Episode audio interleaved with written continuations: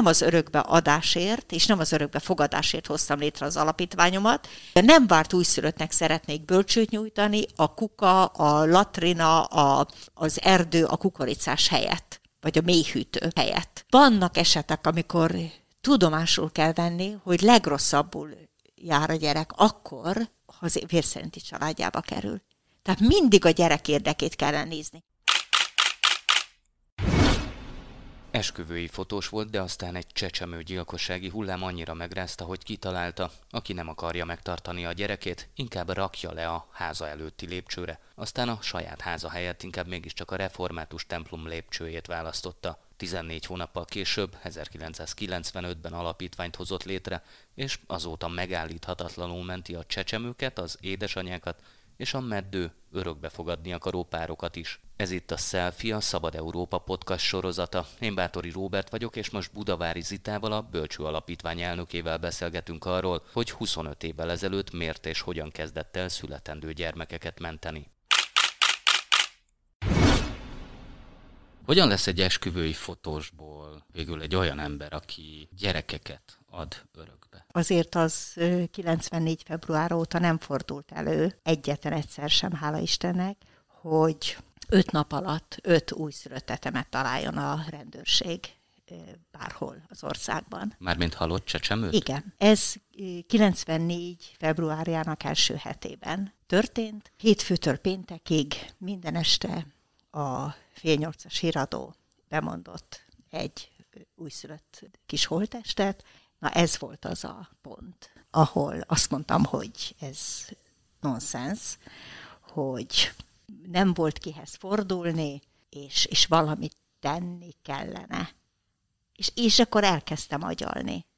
Ennyi. Tehát köze nincs a fotózáshoz, egész egyszerűen, mint oly sokan az országban, mert természetesen nem egyedül háborodtam fel, csak annyi volt a különbség, hogy amíg normális ember ezen két nap alatt átlép, de másnapra már valószínűleg, én ezen nem tudtam túllépni és agyaltam, és agyaltam, és, és agyaltam, hogy mit lehetne tenni. Hogy csinálta ezt az egészet? Mellette járt esküvőkre, csinálta a munkáját, és azon agyalt közben, hogy hogyan lehetne ezen a helyzeten segíteni? Így van nem kell ecsetelni, hogy mivel jár egy háztartás, mivel jár egy gyermeknevelés, és ezt, ezt, ezt párhuzamosan végeztem mindent, és közben folyamatosan ezen, mert az volt az elképzelésem. Én úgy gondoltam, hogy lehet, hogy egy kívülállónak, tehát amit nem mer elmondani az anyjának, a szüleinek, a férjének, a munkatársának, a barátjának, az lehet, hogy nekem az idegennek,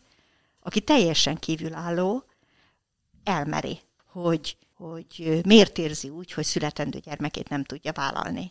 És az volt a lényeg, hogy az utolsó pillanatban szalmaszálat tudjak neki nyújtani. Ne csináljon őrültséget, mert a terhesség, a bocsánat, a szülés bármikor beindulhat. 94-ben nem volt Facebook, semmi nem volt valójában. Igen. Tehát, hogy honnan tudták az emberek, hogy ön van, van az alapítvány, önhöz lehet fordulni? Teljesen blőd volt az egész. Az volt az elgondolásom, hogy mi van akkor, hogyha lerakják a nem várt újszülötteket a küszöbömre? Igen, ám de a Szüret utca fönt van a Botyáhegyen. Bocsánat, ez az ön ötlete volt, hogy Igen. rakják le a csecsemőket a lépcsőre? Aki nem tudja vállalni, úgy érzi, hogy nem tudja vállalni a gyereket, tegye a lépcsőmre. De ön kiírta a kapujára, hogy ide tegyétek a gyerekeket? Nem, mert akkor rájöttem, hogy a Szüret utca a Botyáhegyen nagyon messze van, vasútállomástól, buszpályaudvartól. Ismertem a katolikus plébánost, és akkor arra gondoltam, hogy a Béla téren ott van a katolikus templom, akkor nem az én lakásunk, a sortársas házunk küszöbét hirdetem majd meg, hanem a templom lépcsőt. Mit szóltak ehhez a papok? Plebánus úrral beszéltem, aki azt mondta, hogy hát ő nem, ő nem gondolja, ő nem gondolja, hogy erre szükség lenne, szerintem nincs annyi. De, de rögtön láttam az arcán, hogy nem partner. És akkor, ó, hát mondom, ott van még az evangélikus templom, és akkor felhívtam a, az akkori evangélikus lárkészt, és hát ellentétben a katolikus plebánus úrral, na abszolút pozitívan állt a dologhoz. Egyébként is ismert, mert esküvőket az evangélikus templomba is fotóztam. Nem lepődött meg ezen az óriási irányváltáson? Semmi, semmi. Hát szó nem volt arra, hogy én abba hagyom a fotózást. Mentem szép sorba. Megkérdeztem az ügyvédbarátunkat, hogy mi van akkor, ha letesznek a az evangélikus templom lépcsőre egy gyereket, és, és vagy az én lép küszöbömre, és nem veszem be. És akkor azt mondta az ügyvéd barátunk, hogy a segítség elmurasztása büntetendő. Hát mondtam, akkor szuper.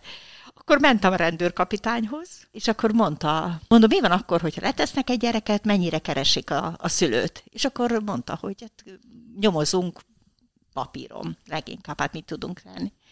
És akkor ez, ez itt szépen így ment tovább. Ezek mind erőt adtak a folytatáshoz, hogyha nem veszem be segítség elmulasztása. A rendőrség komolyan nem tud keresni, hát mit, mit keressen. Ha a nőnek nincs esemény a szülés után, és nem kerül orvos kezébe, akkor simán megúszza. Akkor jogilag rendben, rendőrség nem nyomoz, az evangélikus lépcső szabad, letehetik, mi van még? És mi volt még? Mentem a gyámhivatalba, Mártírok tere, Na, ott sírva jöttem ki. Mert mit mondtak? Hát, hogy mit képzelek én, meg, meg hogy gondolom meg. De az szörnyű volt, ott sírva jöttem ki, de azért nem az a típus vagyok, aki ettől meg hátrálok. Se Facebook, se telefon, semmi? Semmi. Oké, okay, megvan az alapítvány, mindenki azt mondja, hogy ámen, Tizen, 14 hónap után, 95. április 11-én a költészet napján nyilvántartásba vették, hogy jut el ez a gondolat az érintettekhez. És akkor a Szexárdi Városi Tévében valaki hallott szerintem az én blőd elképzelésemről, csinálnának velem egy beszélgetést. És ezt a tévés interjút látta egy ozorai védőnő. Fölhívott, hogy va- van egy terhese, aki nem, nem tudja vállalni a születendő gyermekét. Egy védőnő hívott fel először. És ez a lány jelentkezett elsőnek, hogy a nagymamájával ketten élnek, a nagymama 10 ezer forintos nyugdíjából. Nem ő szült elsőnek, de ő jelentkezett elsőnek. És fogalmam nincs, hogy ezt a beszélgetést, ezt a városi tévés beszélgetést kilátta, vagy, vagy mi történt, csak akkor volt a közszolgálati televízió, nem voltak még kereskedelmi csatornák, kereskedelmi 97-től. Most pedig 94-ről beszélünk még mindig. 95. 95? Mert 95-ben jegyezték be, és volt egy ilyen műsor, hogy gyors segély. És, és a közszolgálatitól fölhívtak, hogy, hogy, hogy hallották, hogy én itt valami abnormális dolgot kitaláltam, és szeretnének velem csinálni egy interjút. Rám borult a világ. És ez a gyors segély, ez ez elindította a lavinát. Mit jelent az, hogy lavina? Mi következett ezután, mondjuk számokban? Számokra nem emlékszem, de azt tudom, hogy érdekes módon a meddőházas párok kapcsoltak, hamarabb, mint én, hogy ha itt nem várt újszülöttek jelentkeznek, akkor, akkor azok előbb-utóbb örökbeadásra kerülnek. És rám borult a fél ország meddőházas pár tömege, és akkor még nem volt alkalmasságvizsgálat, simán, ha adott a baba, akkor ő, mondjam azt, napok alatt megkapott, vagy örökbe tudta fogadni, hamarabb tudott nyilatkozni, mire arról egyáltalán papírja volt, mert most nem azt akarom mondani, hogy pótulag vizsgálták az alkalmasságát, de tulajdonképpen 95 és 97 között párhuzamosan szerezte be a környezettanulmányt, a pszichológiai szakvéleményt, akkor, amikor már ott volt a gyerek. Tehát nem előre, mint most, hogy hogy hónapokig tart, amíg megkapja az alkalmas. Nem is volt alkalmassági határozat. Ez Magyarországon annyira furcsa dolog volt, hogy semmilyen jogi, jogi szabályozás nem volt még akkor erre? Hát megközelítőleg nem volt olyan, mint most. Semmi. Az elején párhuzamosan csinálta az esküvői fotózást, és közben várandós anyákat hozott össze örökbefogadó párokkal. Mennyire érezte már akkor ennek az egésznek a súlyát? Érezte egyáltalán? Sok örömet adott a fotózás, független attól, hogy nem fotósnak készültem. Sok örömet adott a fotózás, de úgy éreztem, hogy a, a krízis helyzetben levő anyának való segítés teljesen mindegy, hogy mi lesz a, a történet vége szülés után. Örökbeadás, vagy hazasegítés a, a vér szerinti családjába. Teljesen mindegy. De ez itt emberéletekről van szó. Ez évtizedekre szóló. Akkor még nem fogtam fel a súlyát. Tehát akkor szülések, szülések, hazasegítés, örökbeadás, örökbefogadóknak szólni, beszélni velük, megmutatni a babát, figyelni a reakciójukat. Nem voltam szakember, azóta sem lettem az. De a felelősség súlyát igazából 95, 96, 97-ben nem éreztem. Annyira, mint, mint az utóbbi években. Főleg úgy, hogy már több mint 200 nagykorú gyerekünk van. Az első két évben nagyon nehéz volt, mert jelentkeztek, titkolták a terhességüket, és nem tudtam őket hol elhelyezni. És akkor a megyei önkormányzat elnöke volt olyan kedves és, és megértő, hogy lehetőséget adott arra, hogy a Szexádi Csecsemőintézet nővéremeletén kaphatunk, amit a megyei önkormányzat tart fenn, kaphatunk egy nővér szobát egy kétágyas nővérszobát, két lepukkant ágyjal, lepukkant bútorzattal, de nagyon hálásak voltak azok a terhesek, akik ezt igénybe vehették. Miért kell gyakorlatilag bújtatni ezeket a nőket?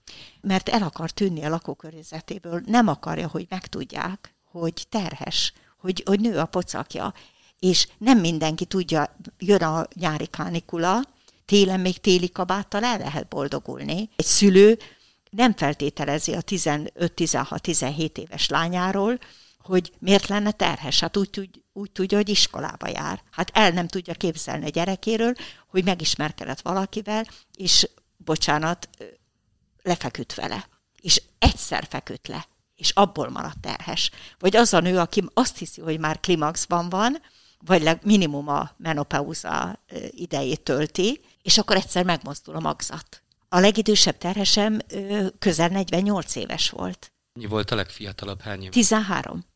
A biológiai apa a 14 osztálytársak voltak, a kislány 13, és a legidősebb pedig több 40 fölötti volt, de a legidősebb az majdnem 48 volt, egy tanárnő. Hogyan tudnak ezek az emberek eltűnni 4-5-6 hónapra? Mit mondanak? Bármit bármit. Elutaztam világkörül? Igen, külföldre mert vállaltam munkát, vagy bármit. I- ilyenkor hihetetlen, hogy, hogy milyen ötleteik vannak. Tehát igen, bármit kitalálnak.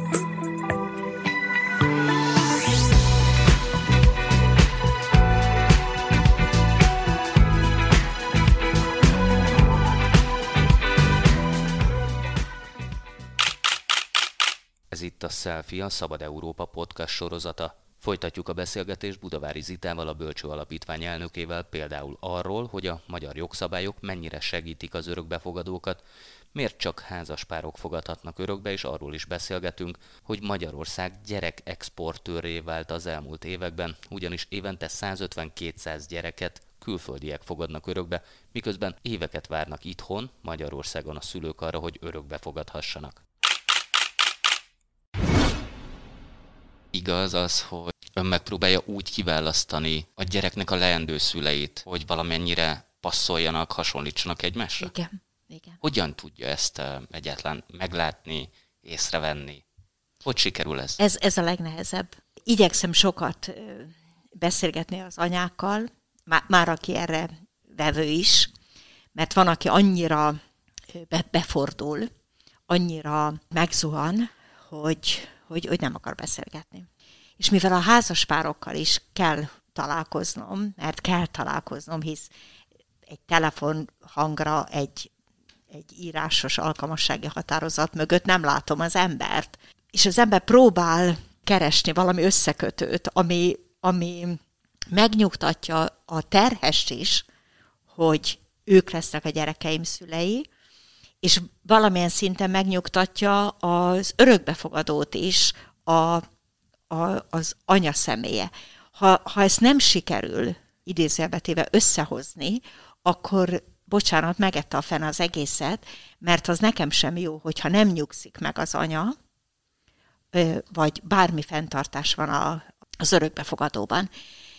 De az sem jó, ha egy örökbefogadó házaspár lenézi a gyermeke, a leendő gyermeke biológiai szülőjét. Tehát szoktam mondani, hogy Makút Jeruzsálemmel nem lehet összehozni. Nem biztos, hogy szerencsés, hogyha hatalmas különbségek vannak. Társadalmilag akár? Is. Ez, ez sokrétű. Engem iszonyúan megnyugtatott egy 96-os örökbefogadó, bírónő feleség, ügyvéd férj. És a személyes találkozáskor, amikor elköszöntem tőlük, akkor az volt a búcsú mondatuk, hogy ha már egy jó asztalos, vagy egy jó varrónő lesz belőle, már akkor megérte. Ez, ez, ez nagyon, nagyon megnyugtató volt. Nem voltak ö, olyan elvárásaik, hogy ők feltétlenül diplomás vagy több diplomás gyermeket ö, akar, vagy ö, anyától akarnak, akinek remélhetik, hogy a gyermekéből több diplomás lesz. De jelent ez bármit egy most született gyereknél? Az azért nagyon jó, ha a lemondó és az örökbefogadó tudnak beszélgetni egymással mert nem lehet tudni, hogy mit hoz az élet, és, és, és lehet, hogy 20-30 év múlva találkozniuk kell, mert úgy hozza az élet. Az már szerencse kérdése, hogyha a külsősége, én mindig megvárom, ami megszületik a baba, és soha nem szólok előre. Kivéve, ha édes testvér születik, akkor muszáj szólni előre. De soha nem szólok előre, mert látnom kell a gyereket is hogy, hogy, hogy milyen, milyen a gyerek. És akkor néha az segít, hogy látom a gyereket, és akkor úgy elég jó a fotós memóriám, vagy az arcmemóriám, és akkor látom a gyereket, és beugrik hozzá a, egy szülőpár valamelyik fele. És, és akkor az, az, az is úgy segít. Na most ennek persze megvan a hátulütője is, mint mindennek. Ha túl jól sikerül az illesztés, és túl sok felől hallják, hogy tehát ez tisztára olyan, mint te vagy te, akkor a szülő, mire a gyerek óvodába kerül, és az óvodás korszakában már meg kéne vele értetni, hogy nem mi vagyunk a vérszerintűszer, nem az én hasamba voltál, nem én szültelek, akkor a szülő pont akkor, amikor a gyereket ezzel kéne szembesíteni, annyira élvezi, hogy mennyire ráhasonlít a gyerek, hogy akkor kezd el titkolózni. Ennek ez a pszichológiája. Ez is benne van. Sajnos ezt megtapasztaltam. De hát a miénk, hát mi vagyunk a vér szerinti szülei papíron, hát le se tagadhatnánk. Hát volt olyan házaspárom, hogy azt mondták a férnek, hogy jó, jó, hát persze tudjuk, de hát azért nekünk megmondhatod, hogy félrelépésből született a gyerek, és csak örökbe fogadtátok. Tehát ilyen szintű mondatokkal is találkoztam már. Tehát mi mindennek ennek is van előnye is, és hát hátránya is. Mik a tapasztalatok? Mindenki még mindig szőke, kékszemű, fehérbőrű gyereket akar? Többségében igen. Mi lesz a roma gyerekekkel? Évente körülbelül korábban 150 gyerek került külföldre, zömében Olaszországba. Miért pont oda? Az olasz szülők nagyon elfogadó, 7-8 év a várakozási idő. Olaszországban? Igen, nagyon elfogadóak, a, a gyermek színész származását minden tekintetben, nagyon elfogadóak, és ez a szám, ez az évi 150, átlagosan 150-160-as külföldre kerülés, ez 2017-18-ban 250 körülre ugrott. Ugyanis túl sokáig, bocsánat a jelzőért, azt hallják őket a rendszerben, túl nagyok a lehetőségei a vérszerinti családnak, mert ha hat havonként egyszer meglátogatta, akkor már nem lehetett megvonni a szülői felügyeleti jogot. Most szeptember 1-től ezt le, lecsökkentették három hónapra, mert a nevelőszülői hálózat tele, és uh, sajnos uh, túl sok gyerek kerül külföldre, miközben Magyarországon is vannak 45-50 év körüli örökbefogadásra várakozók, boldogan örökbe fogadhatnának egy, egy két-három-négy éves gyereket, de 6-8 éveset már nem szeretnének. És ezek a gyerekek pont az iskola kezdéskor, amikor nulla nyelvtudás, Az iskola kezdéskor egész egyszerűen akkor vált országot, akkor vált nyelvet. Én borzasztóan sajnálom. De miért? Ha itt maradnának, akkor lehet, hogy még nagyon Persze. sokáig benn maradnának a rendszerben, és ott lennének a... Hát ezt nem kéne. Tegyesznél mi lenne a jó megoldás? Utána kellene nézni, hogy mi történt az elmúlt 6-7 év alatt. Ha a legkisebb esélyt látom arra, hogy a vérszerinti családba van esélye a gyereknek visszakerülni, akkor maximálisan abban segítem, és 25 év után is azt mondom, hogy nem az örökbe adásért, és nem az örökbe fogadásért hoztam létre az alapítványomat, nem véletlenül neveztem bölcsőnek, hogy a nem várt újszülöttnek szeretnék bölcsőt nyújtani, a kuka, a latrina, a, az erdő, a kukoricás helyett, vagy a mélyhűtő helyett. Vannak esetek, amikor tudomásul kell venni, hogy legrosszabbul jár a gyerek akkor, ha az vérszerinti családjába kerül. Tehát mindig a gyerek érdekét kellene nézni. Minden esetet egyeden, egyénenként kellene kezelni. Van esély a visszakerülésre, látogatja, törődik vele, vagy nem. Kész. És, és annak mentén lépni kéne, nem pedig tolni a papírokat. Ez így kényelmes, vagy egyszerűen csak nincs rá ember, vagy is, is. szimplán ilyenek a jogszabályok, is is. És ebbe beletörődött a magyar állam. Is is. Bocsánat, 21 ezer gyerek bent van a rendszerbe. 21 ezer gyerek. Hát én megértem, hogy a, a gyámügyes is, a tegyesz is belefárad a történetbe, de akkor vártson állást. Én is elfáradtam a 25 év alatt, de eszembe sincs erre hivatkozni, meg emögé bújni. Tehát nekem 25. éve 0-24-ben be van kapcsolva a telefonom. Elfogadta a parlament az új örökbefogadási törvényt, egyszerűbb lesz az örökbefogadó szülők alkalmassági vizsgálata, és az örökbefogadó szülőknek pedig már nem lesz kötelező a felkészítő 40 órás tanfolyam elvégzése. Mit szól ehhez? Már réges-rég bebizonyosodott, hogy mennyire fontos és szükséges a felkészítő tanfolyam réges-rég tudjuk. Elég gyorsan bebizonyosodott, hogy a 21 óra kevés. Már évekkel ezelőtt jeleztük, kértük, hogy 30 órára emeljék fel, semmi nem történt.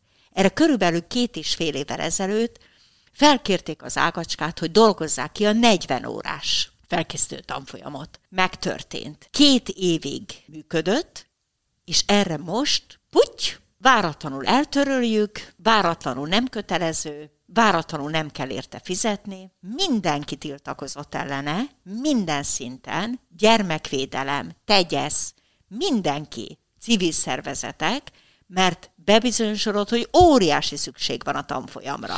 Most amikor én meghallottam ezt, hogy eltörölték a kötelező részvételt, ingyenessé tették, akkor azt mondtam, hogy nagyszerű, ingyenes a tanfolyam, akkor mi, a Bölcső Alapítvány csak azoknak a házaspároknak a jelentkezését fogadjuk, akik veszik a fáradtságot, és ingyen meghallgatják a tanfolyamot.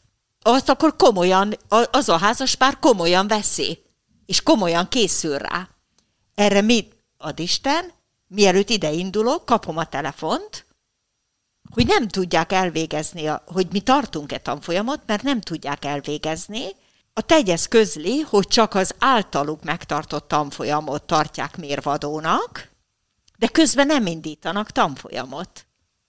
Na most, bocsánat, talán mielőtt eltöröltük volna ezt az egész rendelkezést, megjelentettük, talán át kellett volna gondolni, akár a finanszírozást is, hogy lehessen továbbra is tudjon tanfolyamot tartani. A tegyez is, az ágacska is, a mi is vagyunk, mert égetően fontos, ha nem akarunk túl sok ö, problémát később, mint például az örökbefogadások felbontása. A Bölcső Alapítvány miért csak házaspároknak ad gyereket? Civil szervezetek csak és kizárólag a nyílt örökbefogadásban működhetnek közre.